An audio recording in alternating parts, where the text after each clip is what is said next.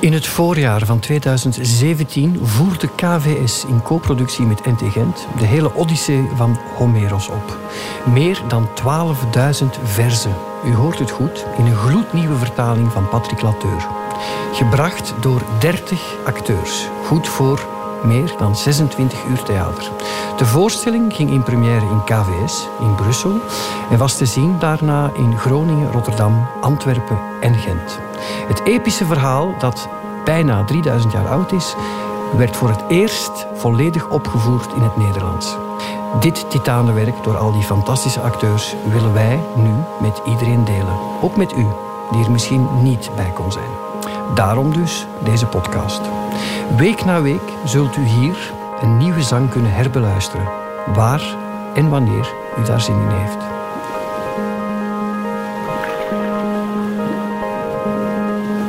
Wraak en zuivering of catharsis. Ja, het is een belangrijk thema in de Odyssee. Naast natuurlijk het thema van de gastvrijheid en de thuiskomst. Maar de wraak dus komt nergens zo tot uiting als in zang 22. Ook wel een beetje een zang die aan Tarantino of zo zou kunnen doen denken. De vrijers moeten gestraft worden en dat gebeurt in deze zang. De luguberste straf komt helemaal op het eind van de zang en wacht Melantios, de grootste verrader. Daarna wordt de zaal met zwavel en vuur gezuiverd en is de wraak voltrokken. U hoort Jean Bervoets samen met Kaine Bervoets en Bob van der Leij.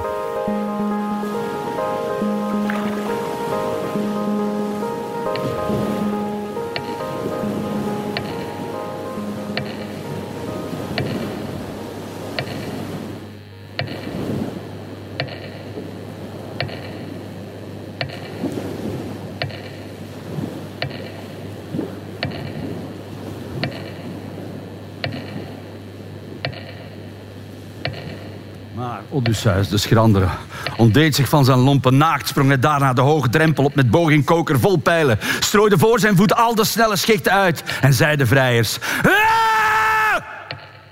Hier eindigt onbetwistbaar onze wedkamp. Maar nu richt ik mij op een ander doel dat niemand tot dusver te raken wist.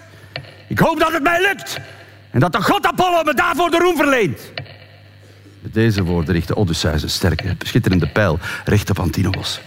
Nu stond die op het punt een mooie beker van goud met dubbel handvat op te heffen. Met beide handen hield hij de bokaal vast om van de wijn te drinken, zonder ook maar één moment te denken aan de dood. Want wie zou onder disgenoten denken dat één alleen te midden van de velen, al was hij nog zo sterk, hem daar verderf en dood en donkere noodlot brengen zou?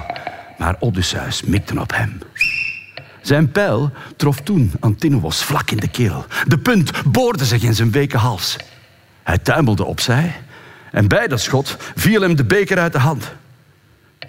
Er stond een dikke bloedstraal uit zijn neus. Hij stootte met een fikse schop de tafel omver, een eind van zich, deed alle spijs belanden op de grond waar het gebraten brood bezoedeld raakte door zijn bloed. De vrijers in de zaal maakten een groot misbaar. Zij zagen dat Antino was gevallen was en sprongen uit hun stoel. Verbijsterd renden zij door heel de zaal. Aan alle kanten keken zij de mooi gebouwde wanden na. Maar nergens was een schild of sterke speer om vast te grijpen. Ze scholden Odysseus vol woede uit. Op mensen schieten. Op mensen schieten komt jou duur te staan. Een tweede wedkamp volgt er niet voor jou. Je steile ondergang is nu een feit. Want vreemdeling, je doodde nu een man die verreweg de meest voorname was van alle jongeren op Ithaca. Hier zullen gieren jou daarom verslinden. Zo sprak hij ieder. Want ze dachten echt dat hij de man niet had gedood met opzet. En ze begrepen in hun dwaasheid niet dat allen in de strikken van de dood gevangen zaten. Maar held Odysseus keek boos en sprak tot hen. Ach, honden. Jullie dachten dat ik nooit meer huiswaarts keerde uit het land van Troje. Ik zie dat je mijn eigendom verbrast. Die dienaresse dwingt het bed te delen. Mijn vrouw het hof maakt. En ik leef nog voor goden. Huizend in de wijdse hemel is er bij jullie geen ontzag. Ook niet voor de verachting door de mensen later. Nu zitten jullie. Jullie allemaal gevangen in de strikken van de dood.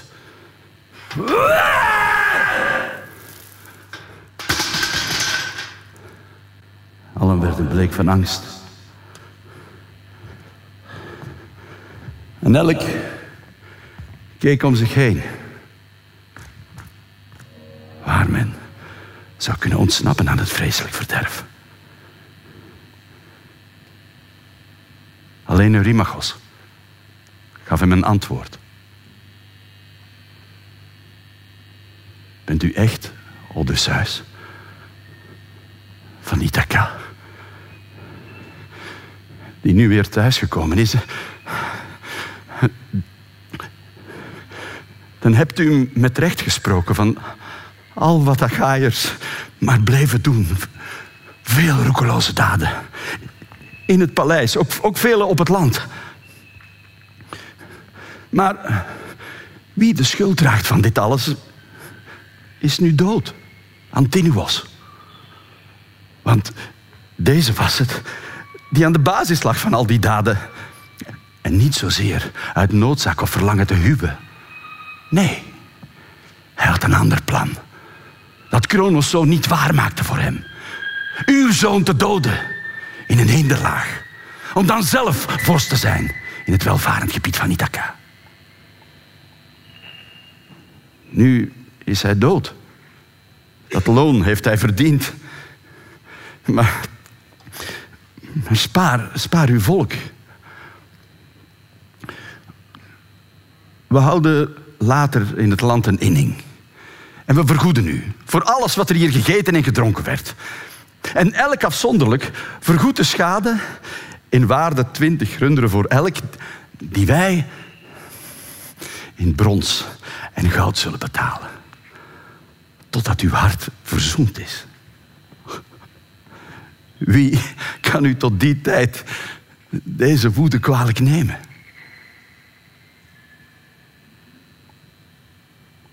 Maar Odysseus, de schrandere, keek boos en sprak tot hem. Rimachos. De vrijers mogen mij zelfs hun hele vaderlijk vermogen als vergoeding schenken. Alles wat jullie nu bezitten en van elders erbij doen. Toch zal ik mijn handen niet van doodslag laten rusten. Vooraleer de vrijers boeten voor al hun vergrijpen. Nu moeten jullie kiezen.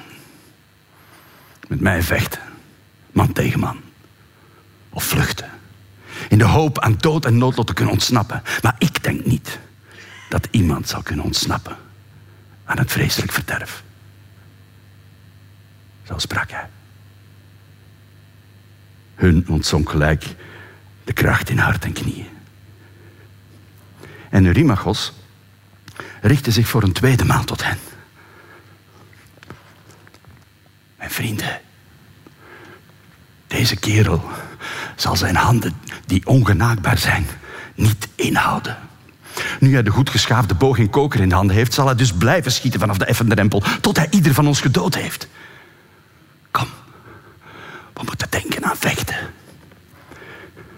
Trek je zwaard. En hou de tafels als dekking tegen pijlen die snel doden. En alle vallen wij hem aan in blok. Een poging en van deur en drempel weg te jagen. En de stad in te gaan. Dan zou vlug die kerel voor het laatst geschoten hebben. Met deze woorden trok Eurymachos het snedig bronzen zwaard, aan beide kanten gescherpt.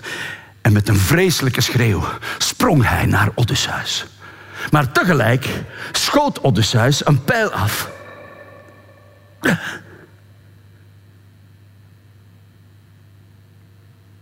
Trof zijn borst nabij de tepel. De snelle schik bleef steken in zijn lever. Het zwaard viel uit zijn handen op de grond. Zich krommend tuimelde Rimachos over een tafel. Hij viel neer. De spijzen en ook de beker met twee oren vlogen over de vloer. Toen sloeg hij met zijn voorhoofd tegen de grond. Met doodsangst in het hart. Rimachos bleef daar met beide voeten schoppen en deed een armstoel kantelen. Een nevel daalde neer over zijn ogen.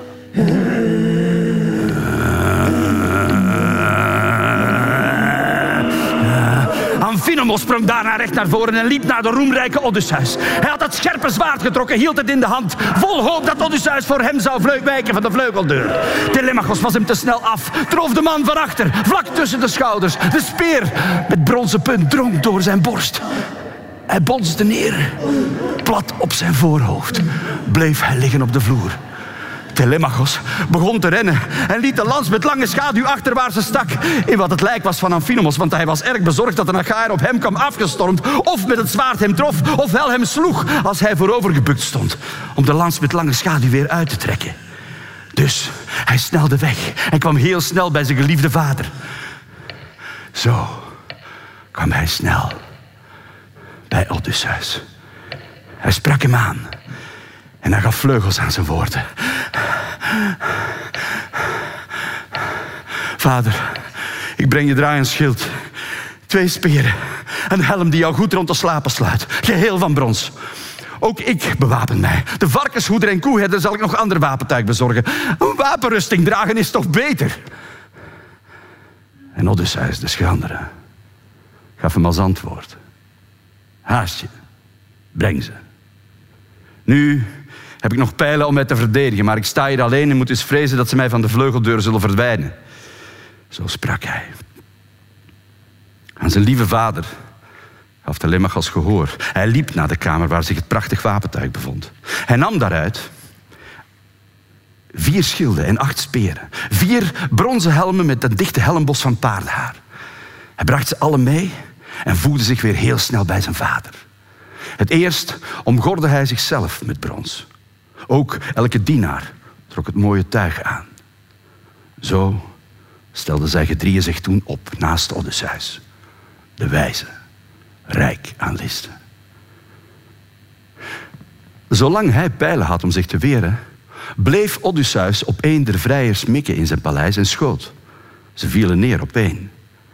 Maar toen de vorst geen pijl meer had om af te schieten, liet hij de boog leunen tegen de deurpost van de goedgebouwde zaal, dicht tegen de blanke binnenmuur.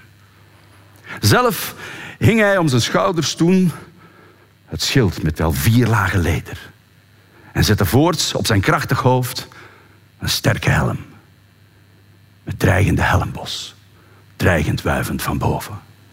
Twee uitstekende werpsperen voorzien van bronzen punt naar mij ter hand. Nu was er in de sterk gebouwde wand zijdeur, die via de hoogste drempel vanuit de sterk geconstrueerde zaal doorgang verleende tot de corridor achter het sterke houtwerk van de deur. Aan de varkensvoeder gaf Odysseus de opdracht bij die doorgang te wijken, te waken en er dichtbij plaats te vatten. Want enkel daar kon men een uitval wagen. Tot alle vrijers sprak nu Agelaos. Mijn vrienden, wilt er iemand langs de zaadeur daarboven weggaan en het volk berichten? Zo komt er snel alarm. Dan zal al vlug die kerel voor het, voor het list geschoten hebben. Tot hem sprak daarop weer de geitenhoeder Melanthuis. Agelaos, lieveling van Zeus. Onmogelijk. Vervaarlijk dichtbij is toch de grote doorhof naar, naar, naar de voorhof. Gevaarlijk ook de doorgang naar de gang. Eén sterke man kan alle tegenhouden. Kom, ik laat jullie uit de wapenkamer het tuig weghalen ter bewapening. Want daar, denk ik, en nergens anders, heeft vorst Odysseus met zijn roemrijke zoon de wapens opgeborgen. Na deze woorden ging de geitenhoeder Melantios door de paleisgangen naar boven en recht naar de voorraadkamers van Odysseus. Hij nam daaruit twaalf schilden en evenveel werpsperen, bronzen helmen, voorzien van paardenharen helmbos. Hij liep er vliegensvlug mee weg en gaf ze de vrijers. Odysseus ontzonk gelijk de kracht in hart en knieën. Toen hij zag dat zij het tuig aantrokken, dat hun vuisten met sterke speren zwaaiden. Zwaar leek hem de opdracht. Maar zijn zoon Telemachos sprak hij snel aan en gaf zijn woorden vleugels. Telemachos. Vast is het een der vrouwen die in het paleis een vreselijk gevecht met ons beraamt. Ofwel Melantios. En de verstandige Telemachos gaf hem als antwoord: Oh, vader, nee, nee, dat, dat is mijn eigen fout. En niemand anders treft schuld. Ik liet de dichtsluitende deur open en een van hen keek beter uit. Uh, vooruit, uh, mijn goede vriend. Ga nu de deur sluiten van de wapenkamer en zie of een der vrouwen dit gedaan heeft of wat ik denk, de zoon van Dolios. Terwijl zij daar zo met elkaar spraken, ging die Melantios, de geitenhoeder, weer naar de wapenkamer om er mooie wapens te halen. Maar de trouwe varkenshoeder bemerkte hem en zei onmiddellijk tot Odysseus, die daar dicht bij hem stond: uh, Beschermeling van Zeus, uh, zoon van Laertes, u, vindingrijke Odysseus. Daar gaat die snode gast die wij zelf al verdenken weer naar de wapenkamer. Zeg mij eens, als ik de sterkste ben, dood ik hem dan? Of breng ik hem bij u hier? Dat hij boet voor al die vele misdaden door hem in uw paleis beraamd en uitgekraamd. En Odysseus, de schrandere, gaf hem als antwoord. Wel. Telemachos en ik zullen de trotse vrijers in de zaal bedwingen. Ook al zijn ze nog zo heftig. Maar jullie tweeën moeten hem aan handen en voeten ruggelings vastbinden. Werp hem in de kamer. Snoer dan een gevlochten touw rond hem heen. En hijs hem langs een hoge zuil tot bij de balken. Daar kan hij lang in pijnen lijden. Zware pijnen lijden. Zo sprak hij. Heel aandachtig luisterde de zwijnenhoeder en gehoorzaamde. Zij gingen naar de wapenkamer, zonder gezien te worden door de man daarbinnen. Hij zocht naar wapens in het achterste gedeelte van de ruimte en de twee wachten hem aan beide kanten van de deurpost hem op. Melantios, de geitenhoeder, droeg in de ene hand een mooie helm met vier metalen kammen. In de ander had hij een oud breed schild bedekt met schimmel. Laertes droeg het steeds als jonge vent, als jonge held. Daar lag het nu, de nade van de riemen ontrafeld. Toen hij op de drempel stapte, besprongen zij Melanthus, grepen hem en sleurden hem naar binnen bij de haren. De bange man smeten ze daar op de grond. Zover ze konden draaiden ze zijn handen en voeten op zijn rug. En met een knellend touw snoerden ze Melanthus stevig vast. Zoals de niet verzagende en goddelijke Odysseus gevraagd had. Ze bonden een gevlochten touw rond hem en heesen hem toen langs een hoge zuil tot bij de balken. Hm. Hoeder van de zwijnen. Melantios. Spottend heb jij hem gezegd. Melantios. Nu houd je hoe dan ook gestrekt in een zacht bed de hele nacht te wacht. Want dat verdien je. Het zal jou ook niet ontgaan dat Eos op haar troon van gouds vroeg in de ochtend uit de stroom van de Okeanos oprijst. Het uur dat jij de geiten naar de vrijers drijft. Om in het huis de maaltijd te bereiden. Zo lieten zij hem daar ter plekke achter. Strak aangesnoerd in banden. Onheilspellend. De twee deden hun wapens aan, sloten de schitterende deur en zochten toen het vervolgens de wijze, listenrijke Odysseus op. hun adem een en al onstuimigheid, stonden de vier bijeen. Dus op de drempel met vier slechts. In de zaal. Veel dapperen.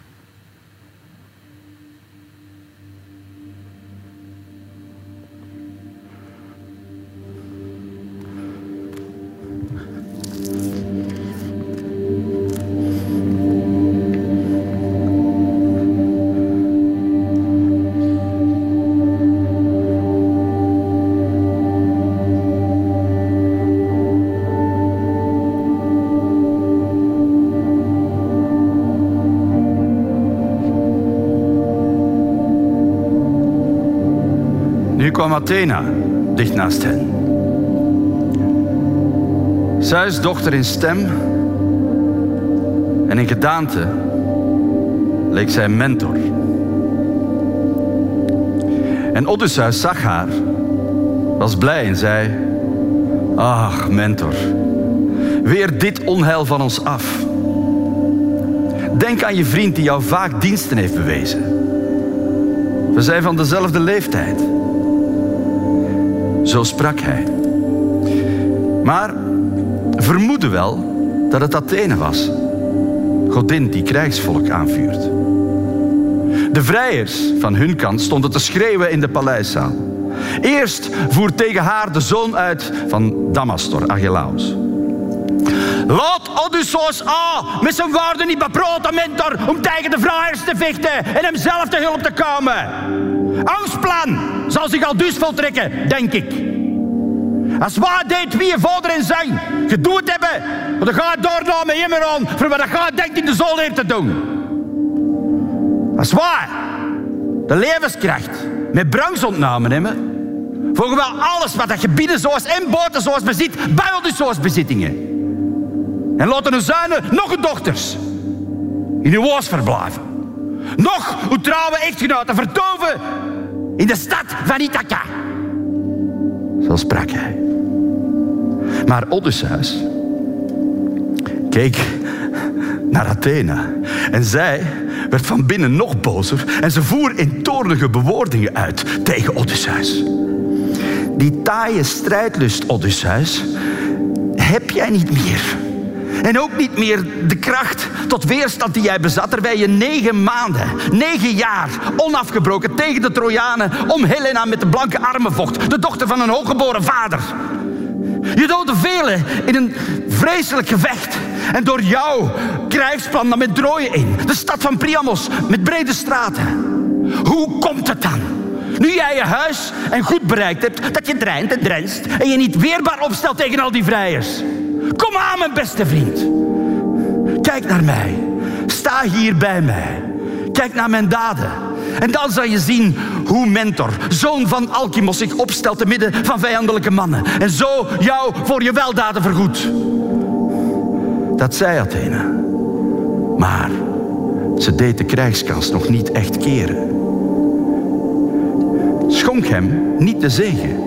Maar ze beproefde nog de kracht en sterkte van Odysseus en zijn vier zoon. In de gedaante van een zwaluw vloog zij zelf omhoog en zette zij zich neer hoog op een balk van een berookte zaal.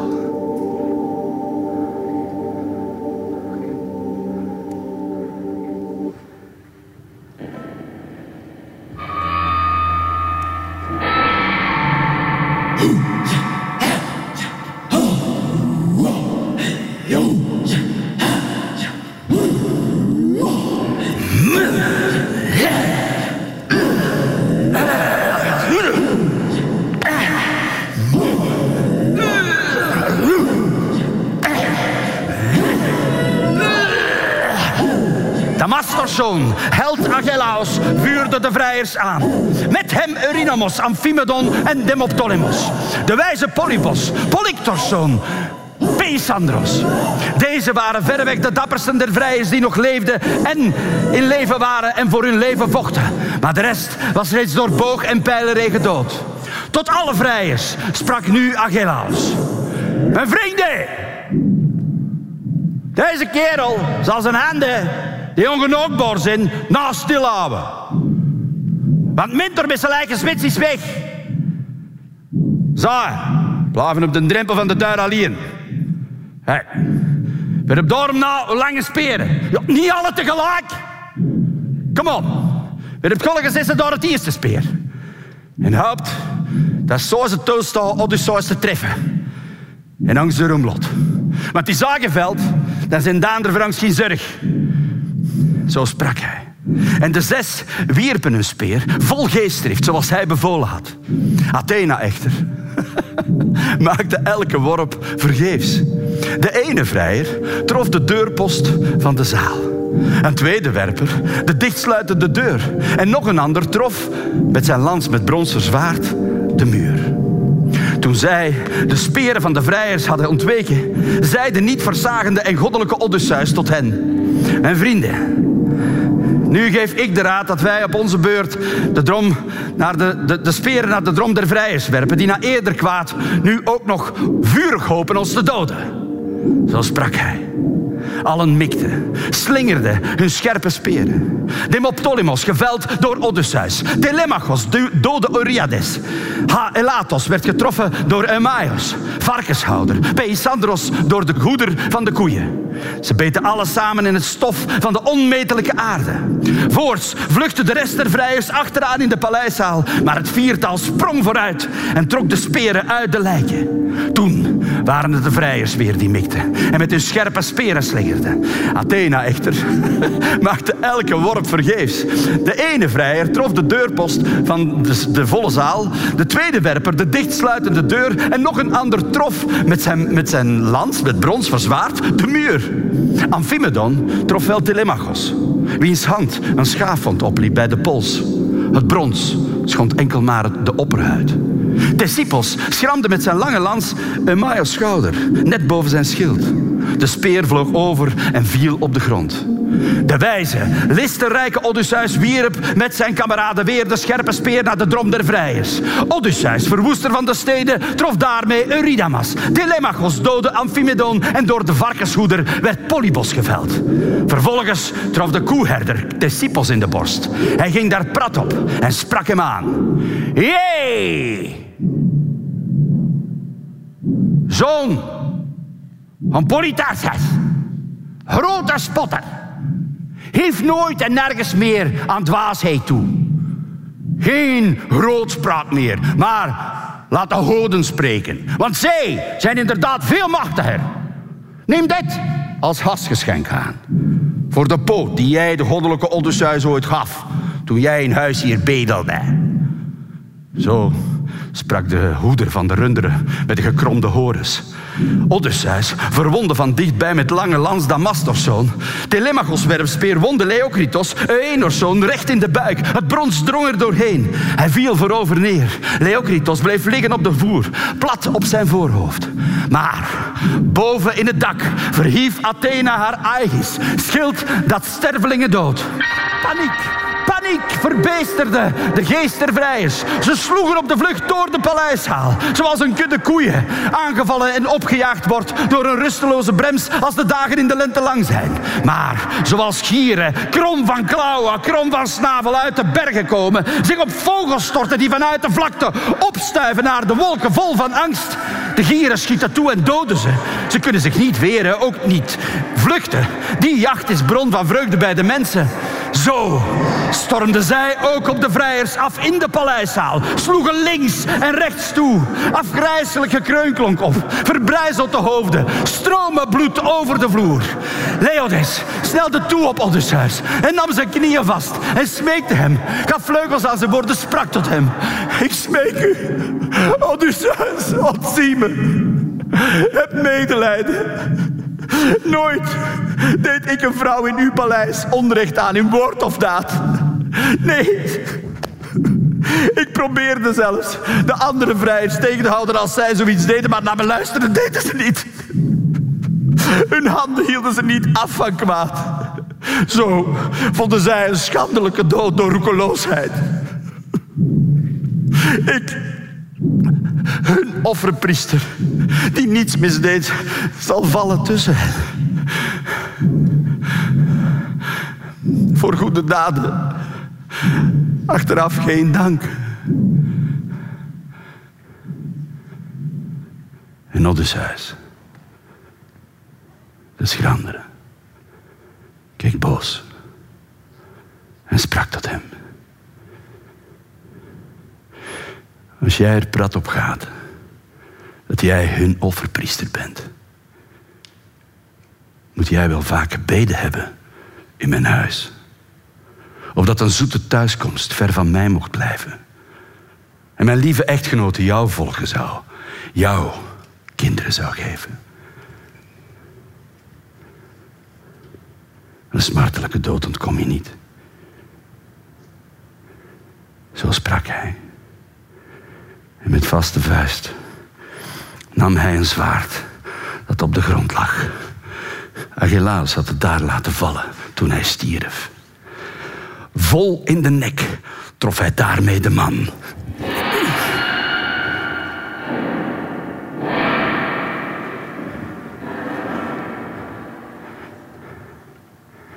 Met op de lippen nog een laatste woord viel het hoofd van Oinop's zoon neer in het stof.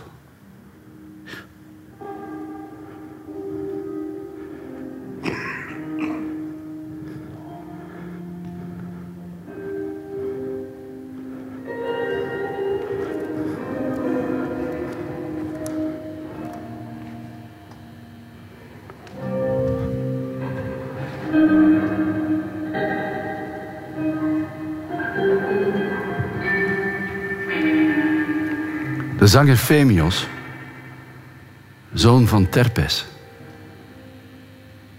die doorgaans door de vrijers werd gedwongen te zingen, zocht nog steeds de zwarte dood te mijden.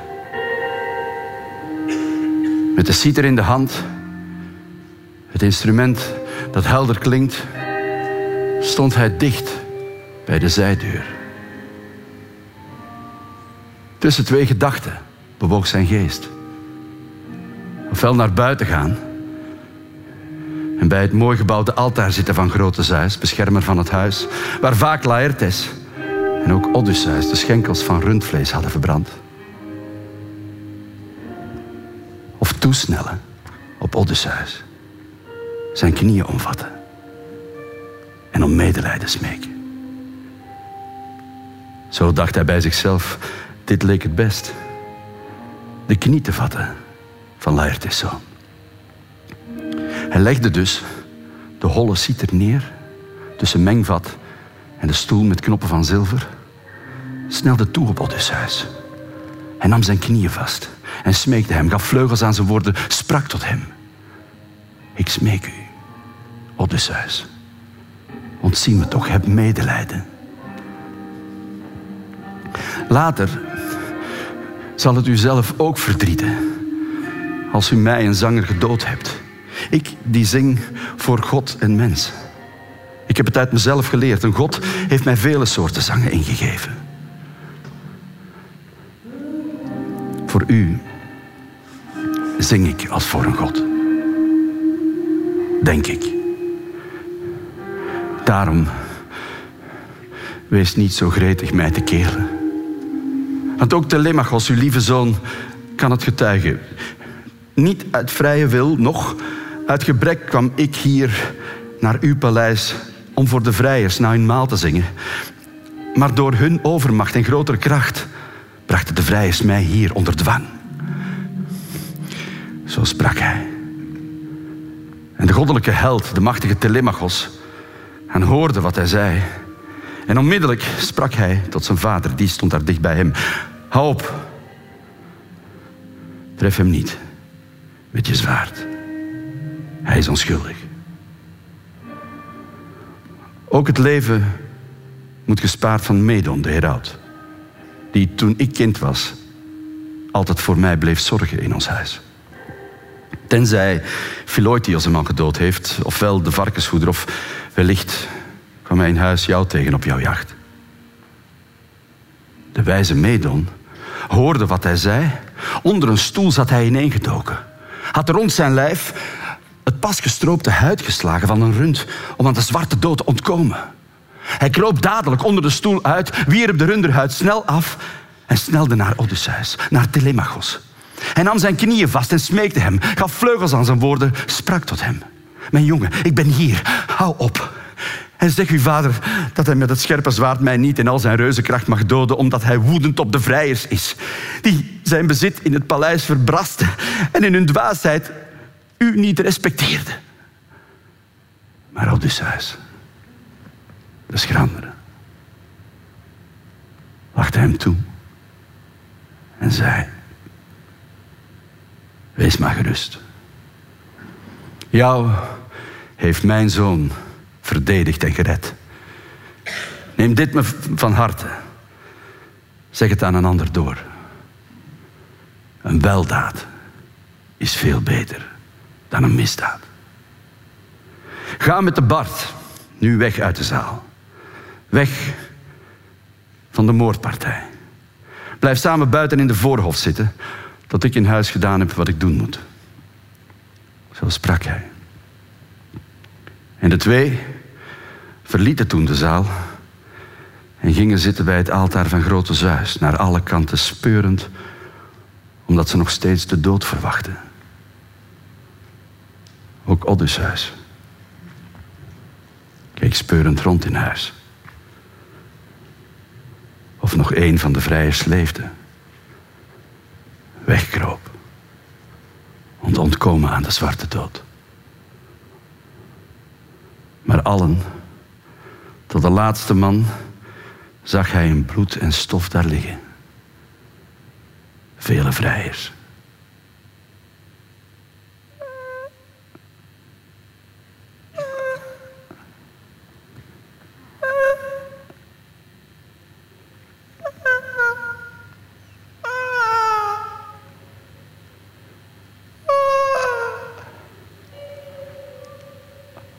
Zoals de vissen. Uit de grijze zee in een inneham getrokken door de vissers die vis vangen met een veelmazig net. Ze liggen alle op het strand gehoopt, verlangend naar de golven van de zee. De zon die brandt, belooft hen van het leven. Zo lagen daar de vrijers op een hoop, de een boven de ander.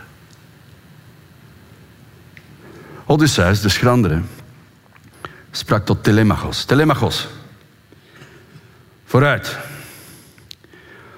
Roep Euryclea, de voedster, hier bij mij. Dat ik haar iets kan zeggen wat ik in gedachten heb. Zo sprak hij. Aan zijn lieve vader gaf Telemachos gehoor. Hij stond daarop te schudden aan haar deur en zei de voedster: Sta op. Kom hierheen, mijn oud moedertje. Dat in ons huis het toezicht hebt. Kom hier. Mijn vader roept je met aandrang, want hij heeft jou iets te zeggen. Zo sprak hij. Maar haar antwoord kreeg geen vleugels. Ze opende de deuren van de mooi gebouwde vrouwenkamer, kwam naar buiten, volgde Odysseus, volgde Telemachos, die nu voorop liep. Ze trof held Odysseus tussen de lijken van de slachting aan, besmeurd met bloed en vuil. Zoals een leeuw die in een open veld een rund heeft opgevreten en nu wegloopt. Zijn borst en beide wangen gans bebloed. Het beest is vreselijk om aan te zien. Zo was ook Odysseus geheel besmeurd, van kop tot teen, aan benen en aan armen. Toen zij de lijken zag, het grote bloedbad, stond Euryclea op het punt te juichen, omdat zij zag dat er iets groots gebeurd was. Oh, oh. Maar Odysseus weerhield haar. Hield haar tegen, ondanks haar groot verlangen, en zei, terwijl hij aan zijn woorden vleugels gaf: Verheug je, oudje, in je binnenste. Maar stil, juich niet. Want goddeloos is het te juichen over afgeslachte mannen. Het goddelijke noodlot en hun eigen vermetelheid werden voor hen fataal. Geen mens ter wereld plachten zij te eren. Of zij van lage of van hoge afkomst waren. Om het even wie hun kring betrad. Zo vonden zij een schandelijke dood door roekeloosheid.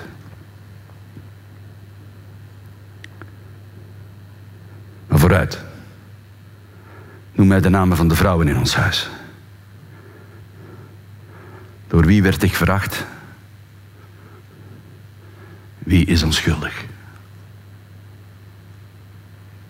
Hem zei de lieve voedster Riclea. De hele waarheid zal ik jou vertellen, mijn zoon. Jazeker. Vijftig dienaressen heb jij in je paleis, die wij geleerd hebben het werk te doen, de wolf te kaarden, slavinnenwerk te dulden en te doen. Van hen begaven twaalf zich op het pad van schaamteloosheid.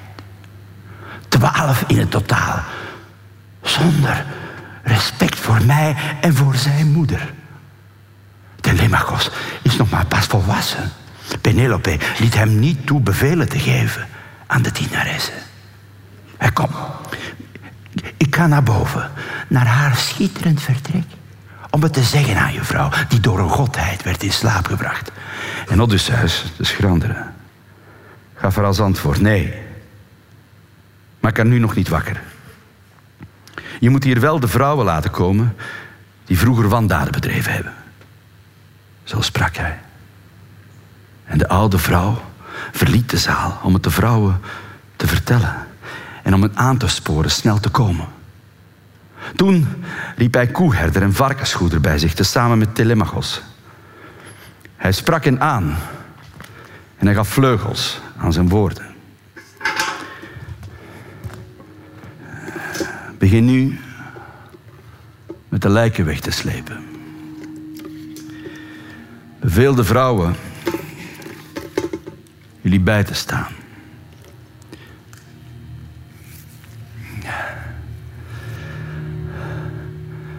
Maak dan de tafel schoon.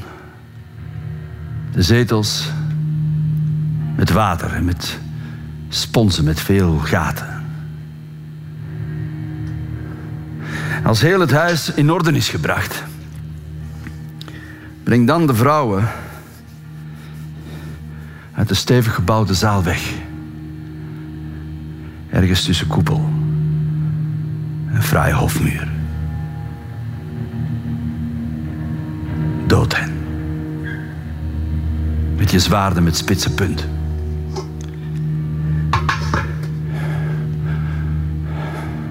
Tot geen enkele vrouw meer leeft. Niet één zich het genot herinnert. Dat zij beleefde toen zij heimelijk het bed met elkeen van de vrijers deelden. Zo sprak hij.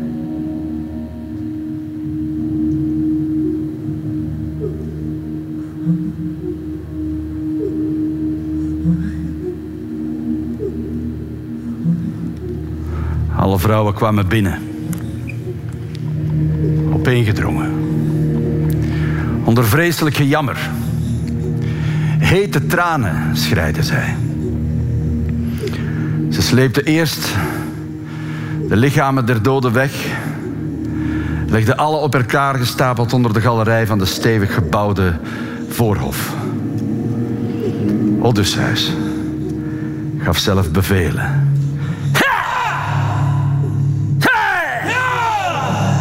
Spoorde steeds de vrouwen aan.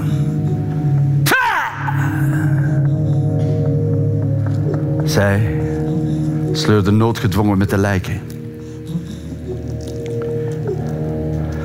Met water en met sponsen met veel gaten werden de mooie tafels en de mooie zetels weer schoongemaakt.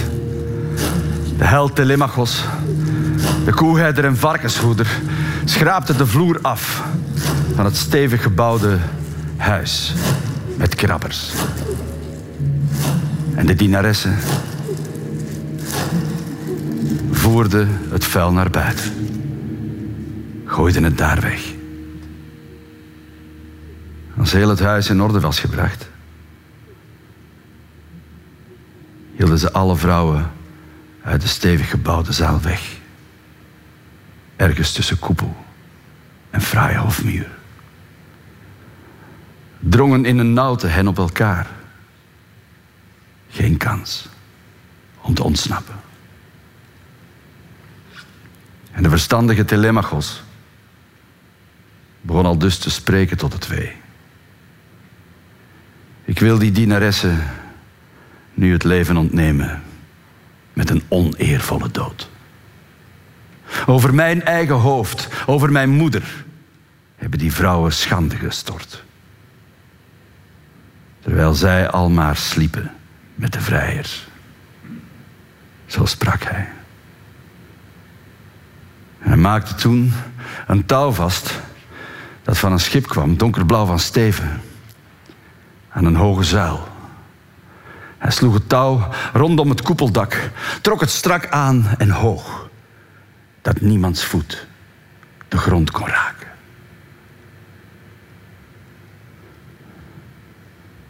Zoals de lijsters.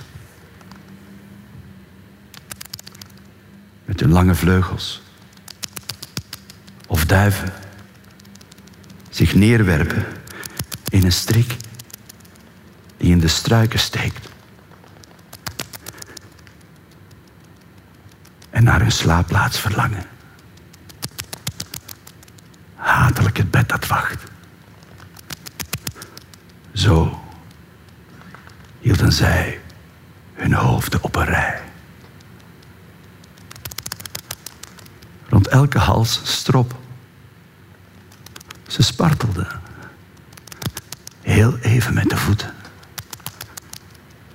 Maar niet lang.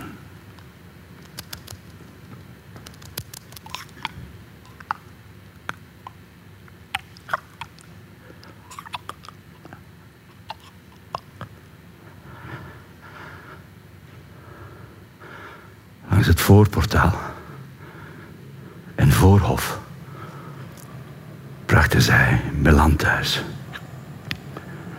Neus en oren sneden zij af met het medogeloze brons. En zijn schaamdelen rukten zij uit, de honden. Mochten ze rouw verslinden. En vol wrok werden hem handen, voeten afgehakt.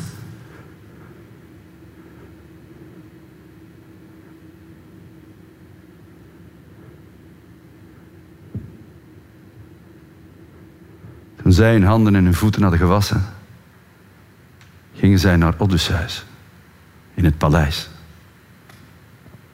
Het werk was afgelopen. Maar nu sprak Odysseus tot de geliefde min Euryclea. Moedertje, haal zwavel, het middel om te reinigen wat vuil is. Breng vuur. Ik wil de zaal uitzwavelen. En vraag Penelope hierheen te komen in het gezelschap van haar dienaressen. Laat alle vrouwen van mijn huis hier komen. Hem, zei de lieve voedster Euryclea, Mijn kind, ja zeker. Jij sprak naar behoren. Maar kom, laat mij jouw kleren brengen, mantel en giton. Dat jij in de zaal niet staat, de brede schouders overdekt met lompen. Dat zou alleen maar bron van aanstoot zijn. En Odysseus, dat schranderen, gaf er als antwoord. Eerst een vuur in de paleiszaal. Zo sprak hij. Niet onwillig was de lieve Minoriclea. Zij bracht vuur en zwavel. Daarmee heeft de held Odysseus het huis, de paleiszaal en de voorhof grondig uitgezwaveld. De oude vrouw liep door het mooie paleis van Odysseus om het te gaan vertellen, de vrouwen aan te sporen, snel te komen. De dienaressen, fakkels in de hand, verlieten hun verblijf, verdrongen zich rond hem, begroetten hem, grepen zijn handen, Ze kuste Odysseus op hoofd en schouders als welkom. En hem overviel een zoet verlangen te huilen en te wenen. Zijn hart herkende hij nog allemaal. Deze podcast is een samenwerking van KVS, Radio 1, uitgeverij Atheneum Pollack en Van Gennep en vertaler Patrick Lateur. In 24 afleveringen hoor je hier de volledige odyssee van Homeros, waar en wanneer jij dat wil. Meer informatie vind je ook via kvs.be en natuurlijk ook radio1.be.